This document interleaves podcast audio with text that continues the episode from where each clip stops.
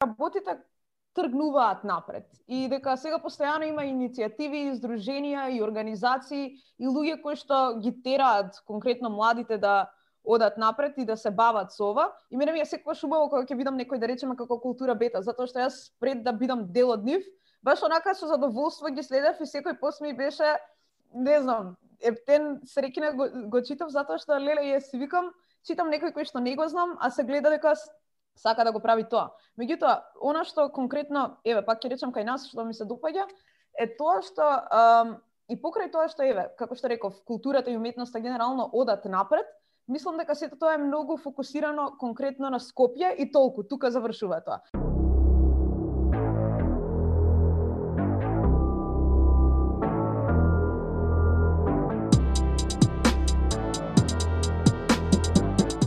Здраво на сите, мојот име е Георги, а вие слушате најновата епизода на подкастот Истинијан збори. Со мене денеска, како и секогаш, се моите драги колеги од Правниот факултет во Скопје, Катерина Иванова Кате, Димитар Тромбески Тромбе и Никола Донев Донев. Како сме колеги, што правиме? Одлично.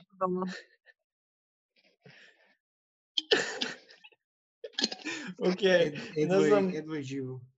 едва, баш, баш, едва и можеме да снимиме ова, пошто ова ни е како четврт пет обид за, за најава.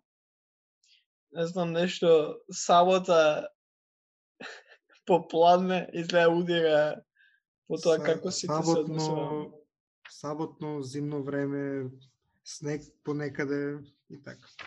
Да, да, што ќе кажете за снегот? Како е, ви се свиѓа или едва Па оглед на тоа дека 20 минути требаше да чистам колата и се околу колата за да излезам, не парам многу ми годи. Па тука у Скопје снегот траеше цели 20 минути, така да не можам да кажам. Ја тоа ќе кажам. До душа ја, значи ја у четвртокот влегов у академска куќа, бевкао таму 30 до 40 минути, излегов, не можев ништо да видам. Као кога влегов, се беше супер, излегувам надвор, ништо не гледам пред мене. И требаше да сидам после пеш до дома, што беше едно 15-20 минути, ужас од патување. Ама не и се, а, у средата, иначе, од која ставивме епизодата, представничкиот дом а, на Америка, тоест на Конгресот у Америка, изгласа импичмент на Трамп, со што го направи Дадимац, ти не знаеше? Знаев бе како не. не, не се шалам. Ама со ова, со ова сега Трамп е првиот и единствен председател кој што два пат му имаат изгласано импичмент. Uh, некое ваше мислење за ова? Дали мислите дека сега устенат нешто ќе се направи повеќе или само на ова ќе остане?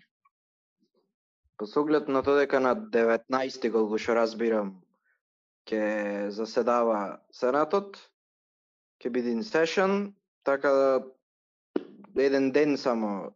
Не, не, не знам тоа како правно ќе има реперкуси, пошто крајниот резултат, освен тоа дека нема да може да да се кандидира Трамп до крајот на животот, ако биде осуден од Сенато, главната причина е да биде тргнат од председателството. Ако не е председател, како ќе се одвива тоа ми е малце сива зона. Има, а, мислам се, сега се заговара некоја као ретко користена опција на на исто на као истовремено судење на судење на Трамп во Сенатот после 20 јануари а, и истовремено а, истовремено нели градење на кабинетот на на Бајден од страна на Сенат. Значи процеси да се од паралелно. Најверојатно постои некој а, некоја можност за тоа. Мислам, освен нели тргањето од функција е а, и као загубата на сите привилегии што му следуваат на а, на председател во пензија, што значи 100.000 долари годишно, мислам да пензија нема. Да, обезбедување, Обезбедување, ништо, никакви привилегии, ништо. Да. И нормално забраната за повторно кандидирање. Да, ја може hot take или као онака неочекувано, ја мислам дека ќе осудат у Сенатот. Не знам дали видовте Мич Меканал имаше као нели и најави или спекулации дека уствари се радува ова што се случува бидејќи нели ова му помага да го тргне Трамп од републиканската партија еднаш за секојаш. Така што а, иако на почетокот може изгледаше дека е нема да има доволно, пошто нели им треба двотретинско мнозинство у Сенат за да го осудат, Uh, изгледаше може е нема да има доволно. Сега од пос, знаеш, последните информации кои ги читаме, мислам дека шансите се се поголеми и поголеми да тоа се случи. Сега како, кога, кој ќе гласаат, уште не, не знаем. Знаеш како и јас бев на тој став, но пред некој време прочитав спекулација, значи сериозна спекулација, дека наводно а, Линдзи Грејам го известил Трам дека имат гласови за да го тргнат, ама нема да го изгласат доколку признај дека изгуби дека да ги осуди тие што влегоа во во конгресот. И то се се се случи стварно, ги осуди, излезе, призна на некој начин дека ја изгуби. Е сега ако е вистина тоа, валјда нема да го осудат. Ама мислам дека стратешки на републиканците му одговара да го осудат пошто знаејќи го Трамп најверојатно пак ќе се кандидира 2024. А сигурно ќе сакат да се кандидират и елитите како Мит Ромни и кои други не. Тед Круз. Не, мислам дека мислам дека стратешки републиканциве се у луз луз ситуација кај што што и да направат, освен ако не заврши со тоа Трамп да иде у затвор, Трамп ќе ги напаѓа до до 2024. Уствари може и, и да им, знаеш, да дојаме у ситуација да има три кандидати на крај, пошто ако републиканците не ќе да номинираат пак Трамп, а Трамп сака да иде како кандидат, ќе имаме лудница у 2024 или барам 2023 која ќе биде целиот овој циркус повторно со избори. Или 2022 кога имаме midterms. Да, да. И не знам, малце као од, од страна на, на, на некој што гледа а не ја сака републиканската партија, ова е супер, нормално сега ќе се препукуваат меѓу себе, нешто што демократија го правеа до сега, сега републиканци ќе го прават и ќе видиме како ќе ќе испадне на крај. Димат, тебе да, сака да те прашам. Само што и... Ѓорги, Кај... само да коментар, само само што разликата помеѓу демократите и републиканците ќе биде тоа што републиканците многу побрзо ќе се консолидират отколку демократите. За жал. За жал. Ама Иначе, пред да пред да прашаш Џоле, едно јас имам прашање. Дали некој од сенаторите во Флорида ќе биде следни midterms up for re-election? Uh, чека да Марко Рубио кога му е, знам дека Рик Скот сега го... Uh... на Трамп, тука малце јас кувам конспираси, малце вас Да, да, да, окей, да. Марко Рубио е up for re-election од 2022 и е, сега баш прво она на Трамп технички му е Флорида. Може да се кандидира така. Да, а да, има ама сериозна поддршка во Флорида. Огромна. Јасно, ама изгледа uh, дека сакаат овој Мат Гейтс да го Mm -hmm, да. да го пратат против Рубио. Што е Мат Гейтс е Трамп 2.0, као мин, Трамп минион е, главниот у представничкото.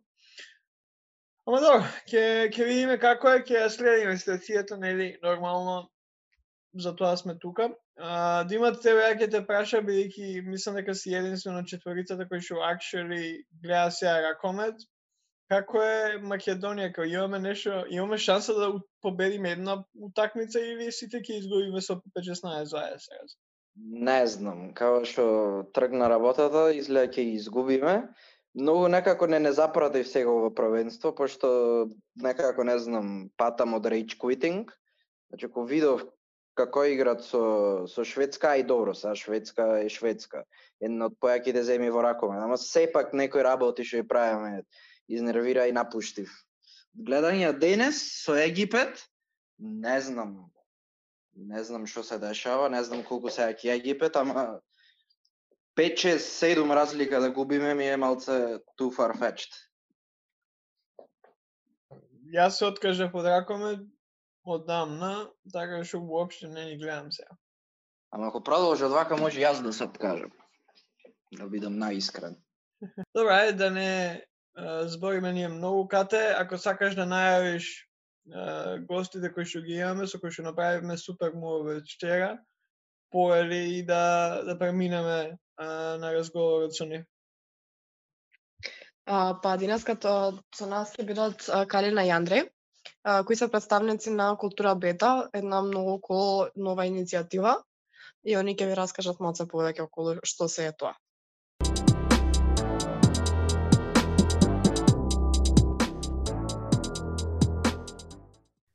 Епа здраво на сите. Денеска имаме една многу кул иницијатива на репертоарот. А, со нас се од Култура Бета. А, сигурна сум дека барем сте слушнале. А, тоа е еден нов медиум платформа а, која ги промо, која промовира културата меѓу младите кај нас. И на вистина сметавме дека баш нешто свежо, интересно, што заслужува да добие многу повеќе внимание.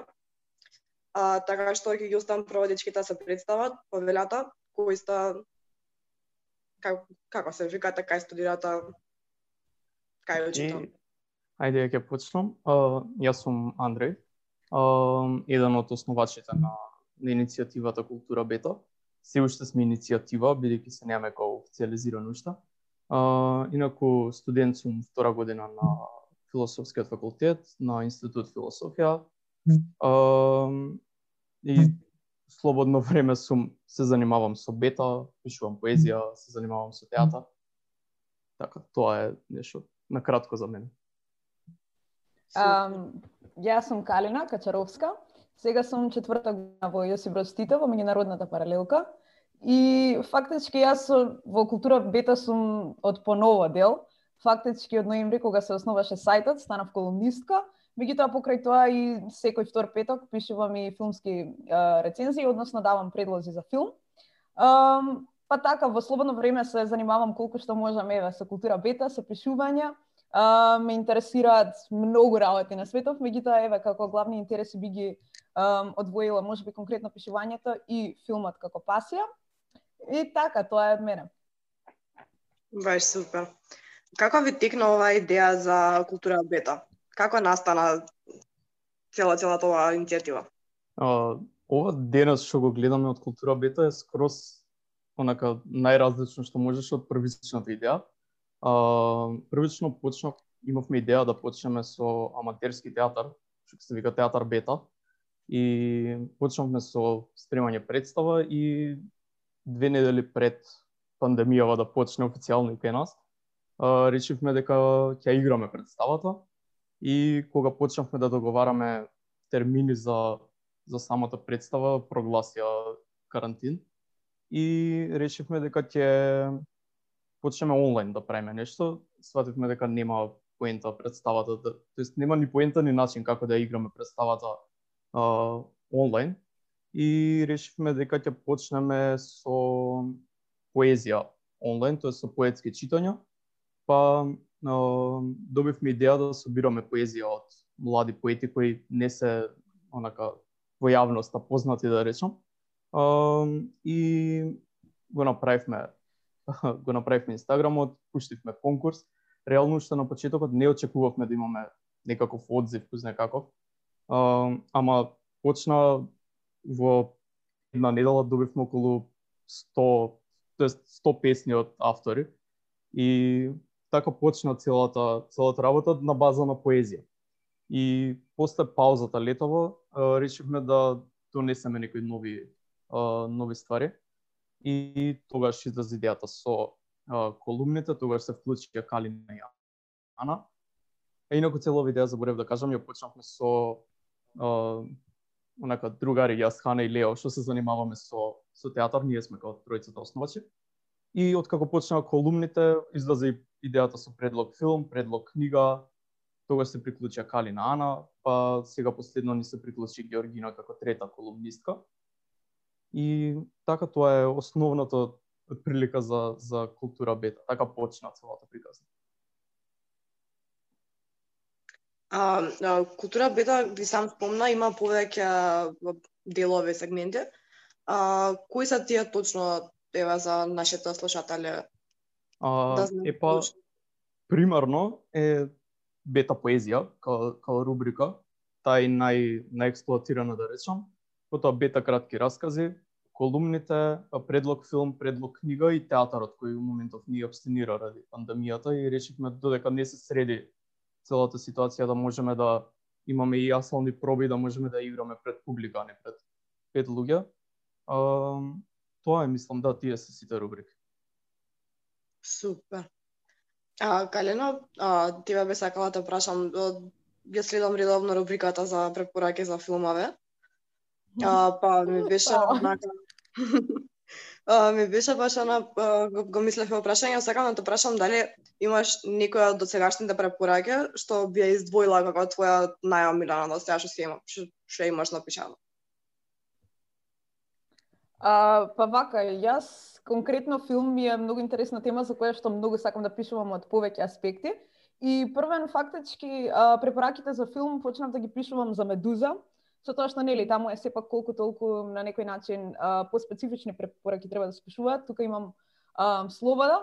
А, така што би рекла дека ама апсолутно секој филм за кој што пишувам, гледам да е филм кој што пред се ме интересира мене, го сакам, ме допрел на некаков начин. Па така, не знам, конкретно за филмови, со оглед на тоа што е со години сум толку голем фан, прашање, да речеме, кој ти е омилен филм или кој би го издвоила, ми е баш како да прашаш мајка кое дете го сакаш најмногу. Ама со оглед на тоа што не пишувам толку често, се две недели само филмовите и тоа почна од ноември, би рекла дека од овие досегашните прв првата препорака, односно Wild at Heart од Девид Линч, ми е можеби фаворит со оглед на тоа што сепак од Девид Линч, човек чие дело и живот ги почитувам ненормално многу. Е, сакам а, на крајот од епизодата ќе те прашаме да ни дадеш неколку препораки, бидејќи тоа ни е малце традиција која што правиме со новите гости, ама сакам да ве прашам која еве некои од вашите колумници пошто спомнавте дека имате и имам читано и дел од вашите, тоест колумните кои ги а, кои се на а, култура бета, дали имате а, мислам кои се критериум, критериумите за тема за една тие од колумни, како како одлучувате која тема ќе биде на која тема ќе биде пишувана, пошто еве, на пример ние кога седнеме да се договараме за подкаст, најчесто го збориме тоа што нас не интересира. Како е тој ваш процес? Дали имате работи за кои што сакате повеќе да да да, да пишувате, тоест или мислам чисто онака сакав да да дознам повеќе за за процесот. Е па мене кога Андреј ми пиша прв пат за пишување на колумни, а, во она кое што ми го имаше пратено, пишуваше дека колумните можат да бидат на било која тема. И сега тука имаше дадено пример, не знам, а, климатска правда, родова еднаквост, а, не знам, социјални, политички прашања и така натаму. Um, така што во секој случај имаме слобода за тоа што ќе пишуваме. Не е дека Андреј ќе ми рече, еј, оваа недела ти ќе пишуваш за тоа и тоа. Не, фактички ние секоја недела одбираме за што ќе пишуваме, меѓутоа, еве, кога зборувам сама за себе си, гледам да пишувам за нешто um, пред се да е актуелно генерално во државава во моментот, со оглед на тоа што знам дека и сум свесна дека така би било каде каде почитано, отколку ако е само нешто што мене лично ме интересира. Uh, меѓутоа па од друга страна фактот дека имам слобода да пишувам за што сакам, некогаш го користам и малку себично со тоа што сакам да пишувам за работи за кои што мене ме интересираат, а сметам дека другите луѓе можеби баш и не ги знаат или пак не се до крај запознаени. Па со тоа добивам прилика ем јас сама мојата љубов и страст кон нештото да ја изразам во зборови, а од друга страна и се надевам дека и некој друг ќе го прочита тоа, ќе се заинтересира и слично. Да, сакав да ве прашам зашто ја разгледував деновиве страната ваша и баш видов еден дел имате бета муабети. И ме интересира баш видов дека имате и со нашата кате правено муабет, па интер, ме интересира за тој дел а, за какви тематики правите муабет и која ви е идејата за во иднина за тој дел? А, да, тоа е рубриката што ја што ја заборев. А, кога тргна идејата за бета муавет, а, имав идеја да го правиме само со а, млади уметници, ама прв пат кога се деси кога се случија овие дешавките во Полска, тогаш имав некоја идеја да да напишам текст околу мојот став за тоа и излегов малце од рамката за за култура на која што беше посветена целата рубрика и тогаш решивме дека ќе го ставиме бета муавет како како рубрика да биде за се и за културни и за а, и за обштествени теми. Па така почнавме да да ги правиме до сега две така пообштествени теми за абортусот и за нели за соплатно сексуално образование. А, нема некој критериум. Генерално сме отворени сите рубрики за за се, секако не до екстреми, да, да не да не навлегуваме во некои теми кои не би сакале да кои кои се косат лично со нашите ставови, ама доколку се појави некој што сака да пишува нешто што се коси со моите ставови, нема да му биде тоа некако спречено. Сега планирам бета муабет бидејќи имам така пошто студирам философија и бидејќи ми е онака голема пасија да почнам со дел во во бета муавет околу философски муавети со моја колешка која студира философија, така да генерално ни е отворена отворена целата тематика за и за, и за бета муабет и за сите рубрики. Баш преубава, многу ми се допаѓа таа идеја и философски муабет и целата насока генерално во која оди. А, сега маца би отишла на назад. А, вие и самата ваша био пишува дека а, идејата позади култура бета до некаде нели инспирирана таа тоа да се подигне културното ниво на некој начин. А, би сакала да чујам од вас повеќе околу тоа вашето мислење за состојбата на културата моментално кај нас и како се, освен мислам се гледа дека пробувате на тоа да влијаат и дека влијаат и така натаму, но како се понатаму може да се влијае за да оди во позитивна насока, да се подигне самото ниво? А, се надеваме дека влијаеме. А, целата, па целата идеја ја почнавме баш баш ради тоа, ради состојбата на а, на културата кај нас не сум од луѓето што зборат дека особено нешто екстремно е лоша културата, сепак имаме каква таква окей културна културна сцена, но не доволна. Особено не доволна за а, млади уметници кои не се насочени професионално кон уметнички развој или кои не а, кои не се веќе афирмирани некако. И затоа решивме да да ја почнеме целата а, платформа, организација, дружина, како и да го како и да како и да го нарекуваме со цел да да дадеме можност да можат младите да да имаат каде да ја да ја представат својата својата култура од било каков од било каков аспект. Сед културата кај нас, оној институционалниот дел, нели театар и и свирки концерти кои се организирани од институции, без разлика дали државни или приватни, се окей, као ги имаме. Ама она алтернативна, непрофесионална, во институционална а, сцена реално е е онака со со намален интензитет. А, и баш затоа решивме прво со представата, бидејќи со луѓе кои што го почнавме театар бета, а, сите тројца сме ко аматерски актери, имавме јас и а, Хана обиди да а, да влеземе на ФДУ, ама знаеме колкава е конкуренцијата таму и дека а, треба многу обиди за да за да влезеш. и затоа решивме бидејќи таа година не влеговме на на ФДУ да го почнеме аматерскиот аматерскиот театар. баш од причина бидејќи немавме каде на оваа возраст да се вклучиме во некој аматерски театар, бидејќи сите ние драмски студија или што се се до 18 до завршување средно.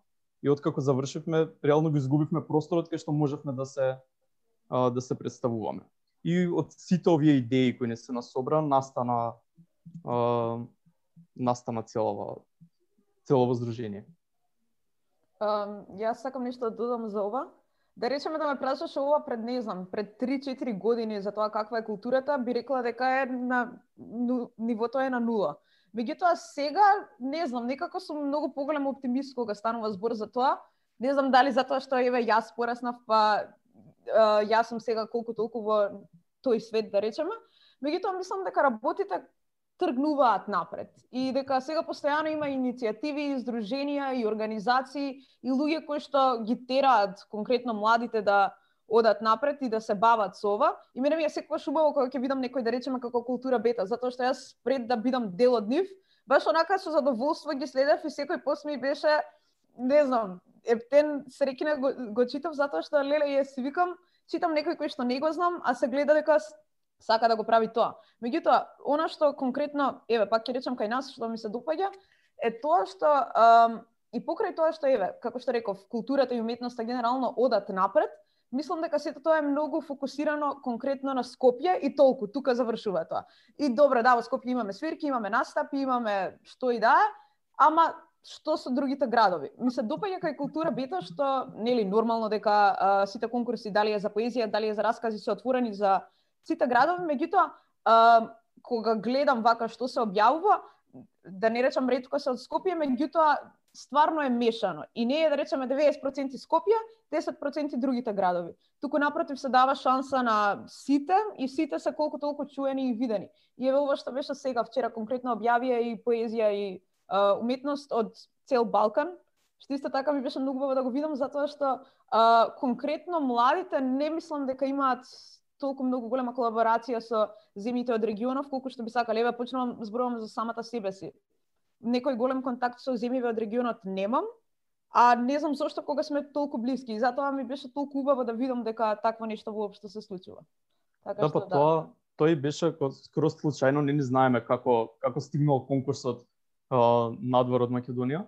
А, ама идејата за ова што го збореше Калино за другите градови е баш и од и таа идеја се вклучи во целиот кога го формиравме концептот за култура бета бидејќи кога почнав со факултет видов колку можам да имам допир со со над, со внатрешност, со помалите градови. Бидејќи до сега многу многу малку сум се среќавал со луѓе и со иницијативи од од другиве градови, баш онака ми е мило кога гледам дека не знам на пример последниот период од Штип онака имаме премногу да речеме поезија. И сваќам дека луѓе сакаат, бараат место кај да кај да можат кај ќе можат да се изразат. Баш ми е драго што го спомна Калена ова, пошто баш додека збореше така ми текна три секунди пред да кажаш Скопје. А, тоа баш тоа сакав да ви го кажам, оваа иницијатива ми она а, убавата од културата на Скопје, што за среќа или несреќа во пандемијава има една платформа кај што може да се расшири на секој ниво, не само да остане во Скопје. Тоа што сакам барем јас од Скопје да го пренесам од другите градови е баш оваа некако поалтернативна култура, по андерграунд, по на маргините да речам за жал, што сепак Скопје си ја негува, има култура на негување на некултурното рецимо. И баш тоа го има тој потенцијал го има во секој град кај нас, поради самата наша македонска култура, не само скопска, но за жал преди самата централизација според мене не е толку развиена во другите градове, што ми е навистина жал затоа што мислам дека пропуштава многу преку тоа. Така што баш ми е драго што постои вакво нешто што може да да го прочери тој убав феномен на повисоко ниво. Да, и каде само да се надоврзам као гледаш и самата као кој е прв избор, освен нели да се иде на страна, ма кој е прв избор на еден а, матурант било кој дел од државата. Као, еве, јас сум од Струмица, мене прв избор ми беше Скопје, као не, не планирам да останам од Струмица или да идам у Штип или у некој у Битола да дојдам. Па и бе и ти исто. Као тоа не е, као се се случува во Скопје и мора да бидеш таму ако сакаш да бидеш дел од овие некои случувања. Тука мислам дека лежат многу многу проблеми кај нас, поготово кога стана збор за вакви некои работи, као и не само култура, гледаме спорт, као се у Скопје, као ретко кога се игра некоја утакмица фудбал на репрезентацијата и тоа кога се игра терените се катастрофа бидејќи никој уопште не, не ги ни гледа тие, не им се битни. Лигата ни е таква како што е и имаш тоа што го имаш. Така што не е изненадување, ама ама да. мислам дека тешко може нешто да смениме, барем не у, у, а, у брзо време. Е сега, Интересното е доброто со коронава е што може да се префрлиме онлайн и може да, знаеш, колку и да не е толку социјално сега, ама може полесно да се конектираме со луѓе кои што може нема да бидат во Скопје. Да. Баш тоа сакав сега да го кажам, дека кога зборавме со Андреј пред некое време, а, ми кажа дека да не беше пандемијава, да не се случеше, дека култура бета воопшто може би немаше да биде тоа што е денеска сега.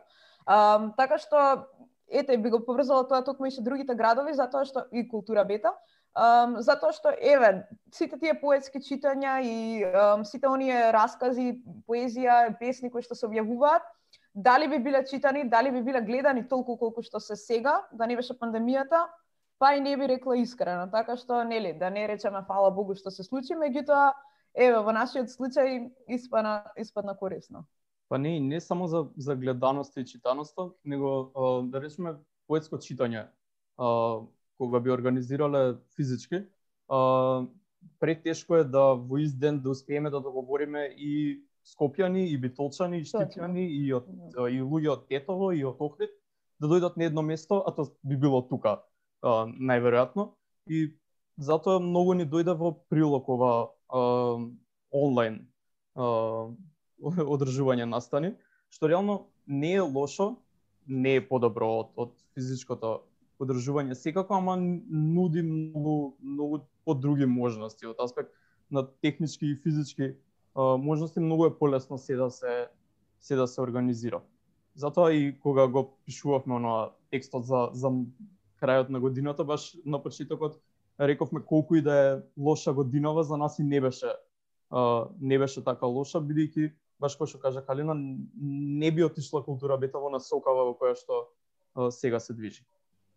Мислам, земете пример од подкастов никогаш не може да се деси ако ние не, не беше корона, така Реално, ние може да се договараме. Знаете што е најако у Скопје, што сите се договараме, ама никогаш не може да најме време сите кога сме слободни у исто време. Не само за, за други градови. Ние у Скопје не може да се договориме. И да. затоа колку, знаеш, колку лоши работи може а, да се спомнат што ни ги донесе 2020, вакви нека, некои иницијативи, меѓу кои се и нашите две, дефинитивно се она светло на крајот од тунелот која 2020 го имаше. Ја сакам да ве прашам, а, интересно, пошто еве, ние не мислам не не е исто Јустинијан збори со култура бета или авангарда со култура бета, ама а, ме интересира каков фидбек го имате добиено бидејќи нели сепак е младинска иницијатива, младинска иницијатива за култура. Каков е фидбекот кој што го добивате од младите средношколци студенти за самото постоење и работење на на култура бета? А, би рекол а, неочекувано добар фидбек имаме, а, бидејќи првенствено многу луѓе нагло се вклучија, што е добро и што ми е мило. А, и реално кога тргнавме не очекувавме да имаме да имаме волка фидбек.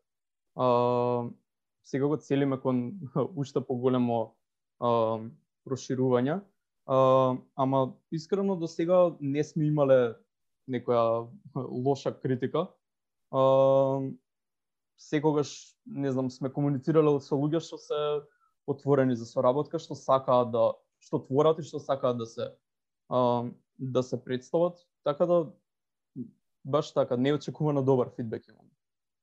Јас па би рекла очекувано затоа што се вклучив подоцна и пред се јас бев таа која што дава фидбек предходно. Меѓутоа еве ако зборувам конкретно за колумните бидејќи сепак тоа е нешто што најмногу се чита. А, мене ми е многу убаво кога добивам било каква реакција, сега да сега, фала Богу, повеќето биле позитивни, ама обично ми пишуваат и луѓе кои што да речеме воопшто не ги познавам или не ме ни следат на Инстаграм, ама ќе ми пишат нешто за тоа што сум го напишала, демек, е да, и јас ова исто го имам приметено, многу ми се допадна што го кажа, баш се согласувам со тебе, или пак ќе ми пишат луѓе кои што не ми пишале да речеме со години, ама едноставно им е мило што го правам ова, што зборувам и што пишувам за такви работи, А особено сум среќна кога ќе видам дека Uh, и преку мене некој друг дознал за култура бета, па ете ќе се охрабри, не знам, да прати песна, да прати расказ, uh, може би да напише нешто друго, така што мислам дека младите гледаат, се интересираат, дека се присутни и дека слушаат и тоа ми дава мене надеж. За ова морам да се надоврзам дека а, моја другарка беше фасцинирана од твојата рецензија за Фиона Apple и секој втор ден ја збори и е многу драго што има некој друг што е толку голем фан на Фиона Apple. Поздрав Да. Надја. Поздрав Надја и Бене ми писа Надја и многу се израдував што некој сериозно го прочитал тоа и си рекол леле јес, фала Богу што постои текстов. Така што заради такви работи сметам дека вреди да се пишува, вреди да се твори и вреди да постојат иницијативи како оваа. Апсолутно. Да, ја мене ми е интересно, знаеш, која една од овие работи кои што ги правиме нонстоп по Инстаграм е скролање. И ретко која култура бета е еден од поредките профили кои што кога ќе скролам, кога ќе го видам, уствари застанам да видам што има на него. Бидејќи едно нешто што што многу ми се свиѓа тоа што не сте монотони у, а, у, у поготово кога стана збор за дизајните, ама и за за за содржината. Бидејќи многу е лесно да да паднеш у тоест еден, еден два различни темплети и нонстоп ги користите истите, ама кај вас е многу поразлично и секоја содржина има поразлично. Као ретко се а, ја тоа сакам и со Јустинијан збори да направиме, да не биде само од епизода до епизода, од од кратка вест до кратка вест, туку uh, in between, као измеѓу тие некои главни работи што ни се, да има уште поеќе работи кои што за кои што луѓе кои ќе скролаат, да застанат тоа ми е едно од поинтересните работи и секогаш има нова содржина, што е супер.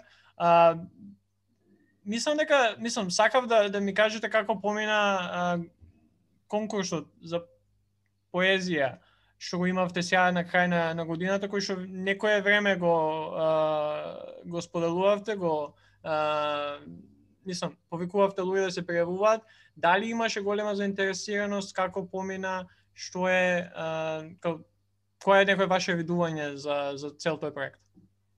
А, па конкурсот го, го организиравме поради недостатокот поетски конкурси, а, бидејќи така скоро сите здруженија и организации и институции што организираат некакви конкурси за поезија се ретки. И рековме пред нова година да направиме малце по поразлична програма од вообичаената и тогаш го го договоривме а, конкурсот. А, помина супер, а, исто така неочекувано а, многу автори се се пријавија. Имаше код луѓе и од Скопје и од другиве градови од Македонија и тоа што не беше очекувано. Добивме околу 20 на песни од а, од балканските земји.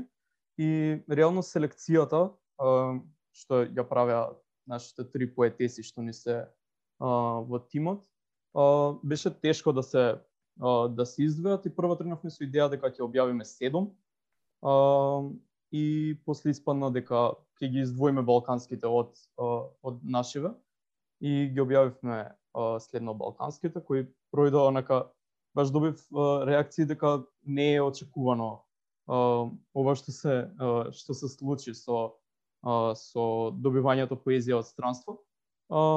И сега следно ќе објавиме уште една уште една тура песни бидејќи онака испадна ептен ептен добри ептен добар материјалот кој го кој го добивме. И дефинитивно ќе направиме уште еден конкурс во скоро време и за поезија и за колумни и за раскази. Јас имам едно поновогодишно прашање. Додека уште да го фатиме последниот воз за новогодишна еуфорија. А, кои се вашите резолуции за култура бета за 2021? Um, реално имавме неколку а, неколку желби онака за за годинава. Прво да можеме да почнеме со организирање настани со физичко присуство. А, второ да донесеме некои нови а, рубрики, да си го прошириме тимот. А, и да направиме бидејќи роден ден ни е за а, еден месец од сега, а, да направиме некој кул настан за за роден денот. Тоа сега ја ќе ве прашав, дали, дали планирате некој настан кој што би се одржал во живо? И како и ако еве на пример ако план, ако го одржувате каков настан тој би бил? а, па би бил а, мултимедијален настан. А, би вклучил и а, и да речеме представа, ако би ја спремале се ова зборуваме настан кога би се средила целосно ситуацијава да може Да, да, да, ова, нели- ова буквално што би било кога би било да, прашање. некогаш за за година дена можда. Uh, бидејќи не сум многу оптимистичен околу целово завршување на на пандемијава. Ама би бил баш мул- мултимедијален настан, би имало и представа, и поетско читање, и свирка, и изложба, бидејќи видовме дека имаме многу многу уметници кои а, кои се вклучуваат од сите области на на уметност и културата и баш би сакале првиот настан што ќе го организираме да биде да биде таков, да опфати се. Јас па баш сум оптимист за разлика од Андреј. Може нема сега да биде тоа, ама за некој месец, месец мислам дека може. Само што јас се викам еве, да речеме бев на неколку настани во периодов, нели, после пандемијата, кои што фала Богу, нели, беа со мерки, заштита и сето тоа. И мислам дека на Андреј не му е лошо тоа настано да се случи кога конечно ќе бидеме слободни од сите тие мерки. Мислам, нели, нормално тоа ќе продолжи уште кој знае колку, меѓутоа подобро е да биде целосно така како што треба да биде, отколку да биде така, ни ваму, ни таму, затоа што повеќето настани на кои што бев фактички изминатиот период, не дека не сум се поминала убаво, меѓутоа не можам да речам дека било тоа тоа. И затоа се согласувам со Андреј дека може најдобро ќе биде кога ќе знаеме дека сме на чисто, дека добри сме и дека тераме напред. Па не, тоа тоа беше и причината зашто а, зашто го зборевме првиот настан да биде а, кој ќе се среди цела ова ситуација. Не знам последно а, мислам Калина и ти беше на на Архангел. А, реално концерт Да. не иде со 10 души и со полу, не со полупразни, со празни трибини и да само да мислиш дали ќе останеш безбеден. А, и затоа за, за, за да не ја имаме таа тежина и одговорност околу безбед, безбедносниот аспект, а, мислам дека настанот првиот настан треба да биде а, кој ќе се среди онака, кој ќе бидеме посигурни. Да, дефинитивно. А, не може да знаеме кога и како и кога, мислам кога ќе би ова се готово бидејќи секој ден гледаме нови информации, нови работи. Вакцината е тука, ама не е тука баш кај нас, па ќе видиме како ќе иде целиот тој процес и наистина е е, тешко да да се предпостави, поготово кога стана збор кој што кажав ти двајцата за е, за тоа дека сепак не е концерт со со 10 со маски, со онака нема го нема тој исти фил. А, сакав да го спомна ти Андре која збореше за идејата театар бета. До кај сте со тоа дали ви е онака целосно ставено на пауза или се уште имате работи кои што се дешаваат за сцените иако не можете реално уживо ништо да направите. а, го имаме ставено целосно на пауза, а, бидејќи а, првенствено една од актерките кои глумеше во кој требаше да глуми во представата се одсели од државата. А, така што треба да направиме скроз нова а, реадаптација на представата. А, и не се дешава ништо освен идеи. А, во меѓувреме само пишувам. А, бидејќи решивме дека ќе правиме представа со наши сценарија, со наша режија, со наша со наше актерство, нема да вклучуваме ништо веќе готово од смисла на текст и ќе би, би вклучувале а, аматери и режисери и а, и глумци. А, така да ништо повеќе од идеја во моментов не се случува со театар бета. Um, сакам да додадам нешто за ова, затоа што сега ме подсети дека ќе правите се вие.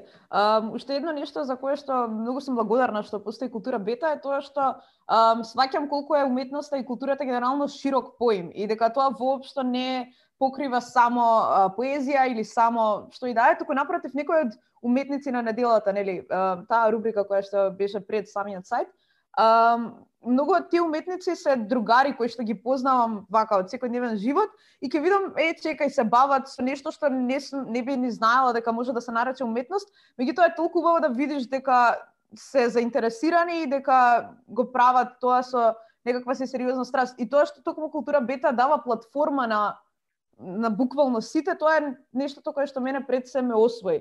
Што нема никакви строги критериуми за тоа um, што може да биде дефинирано како уметност или како култура, туку едноставно дава шанса на луѓето кои што сакаат да се покажат, сакаат да направат нешто и тоа го прават со љубов. Така што не можам да не бидам благодарна. За крај, како што спомнавме, би сакале да ве прашаме за некои препораки. А, спомнавме за филмови, ама не мора да бидат само за филмови, буквално за што сакате. Филмови, музика, книги, омилено пиво, anything. А, така што... Омилен подкаст.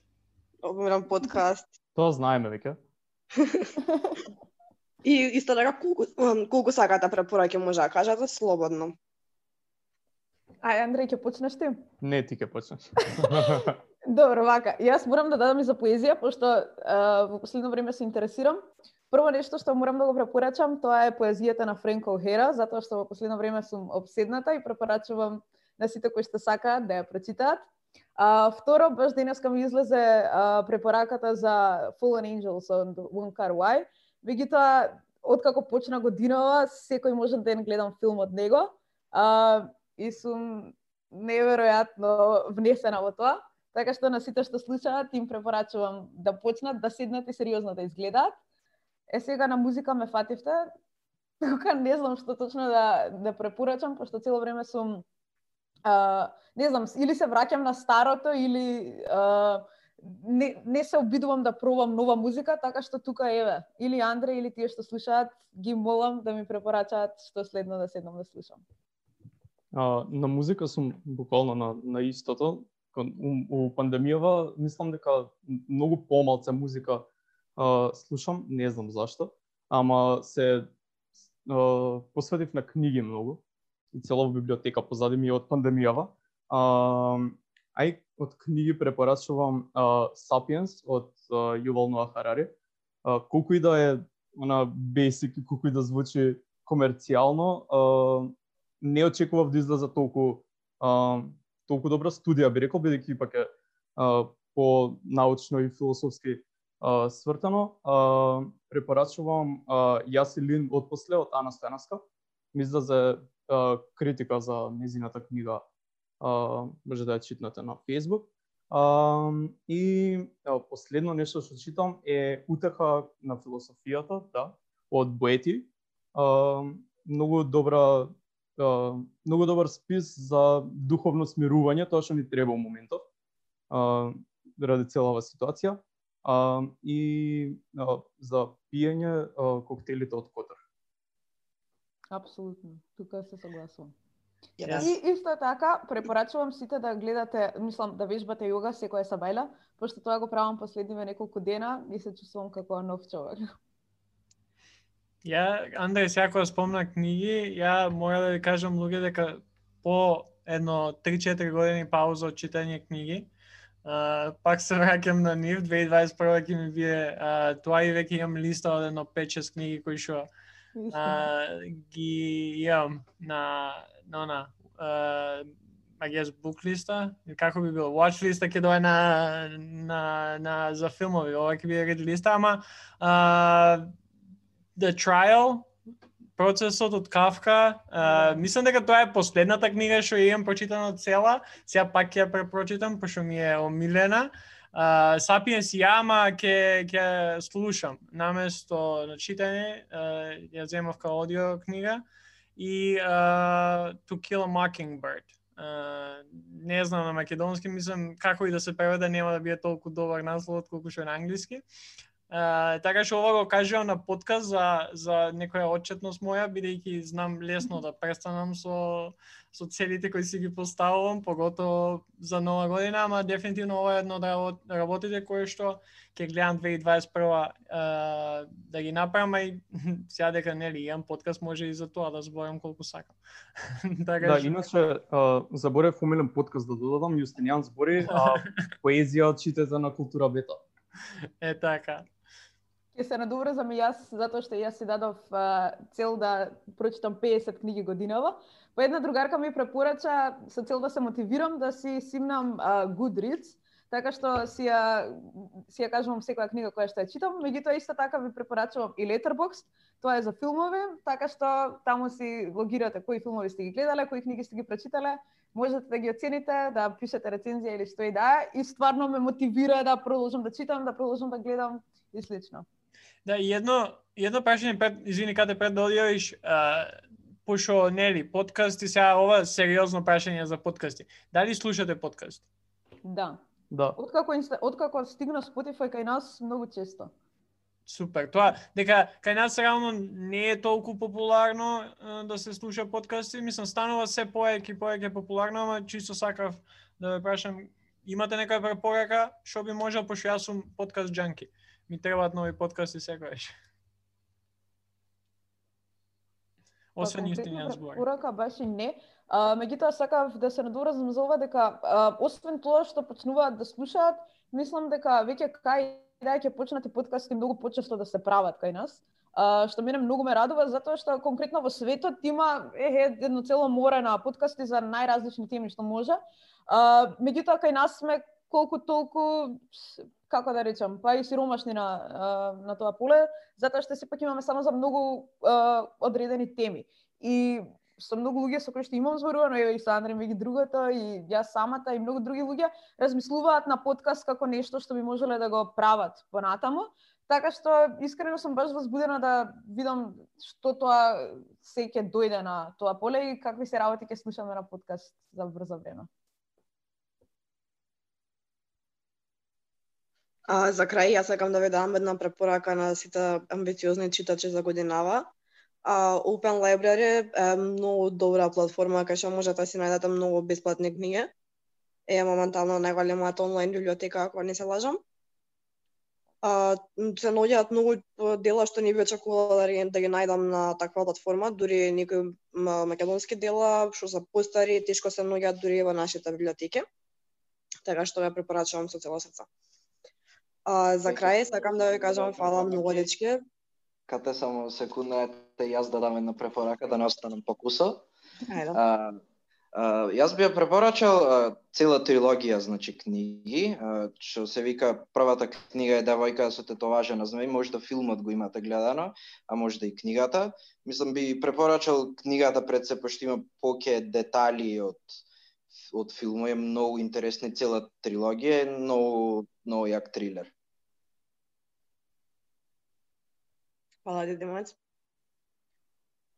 И да се вратам на моето одјавување. А, сакам да ви кажам фала многу дечки, браво за иницијативата. Само продужата, се радувам да ве читам во иднина. И се надавам на се поиша контакт измеѓу вакви иницијативи како нашата. Фала Фала што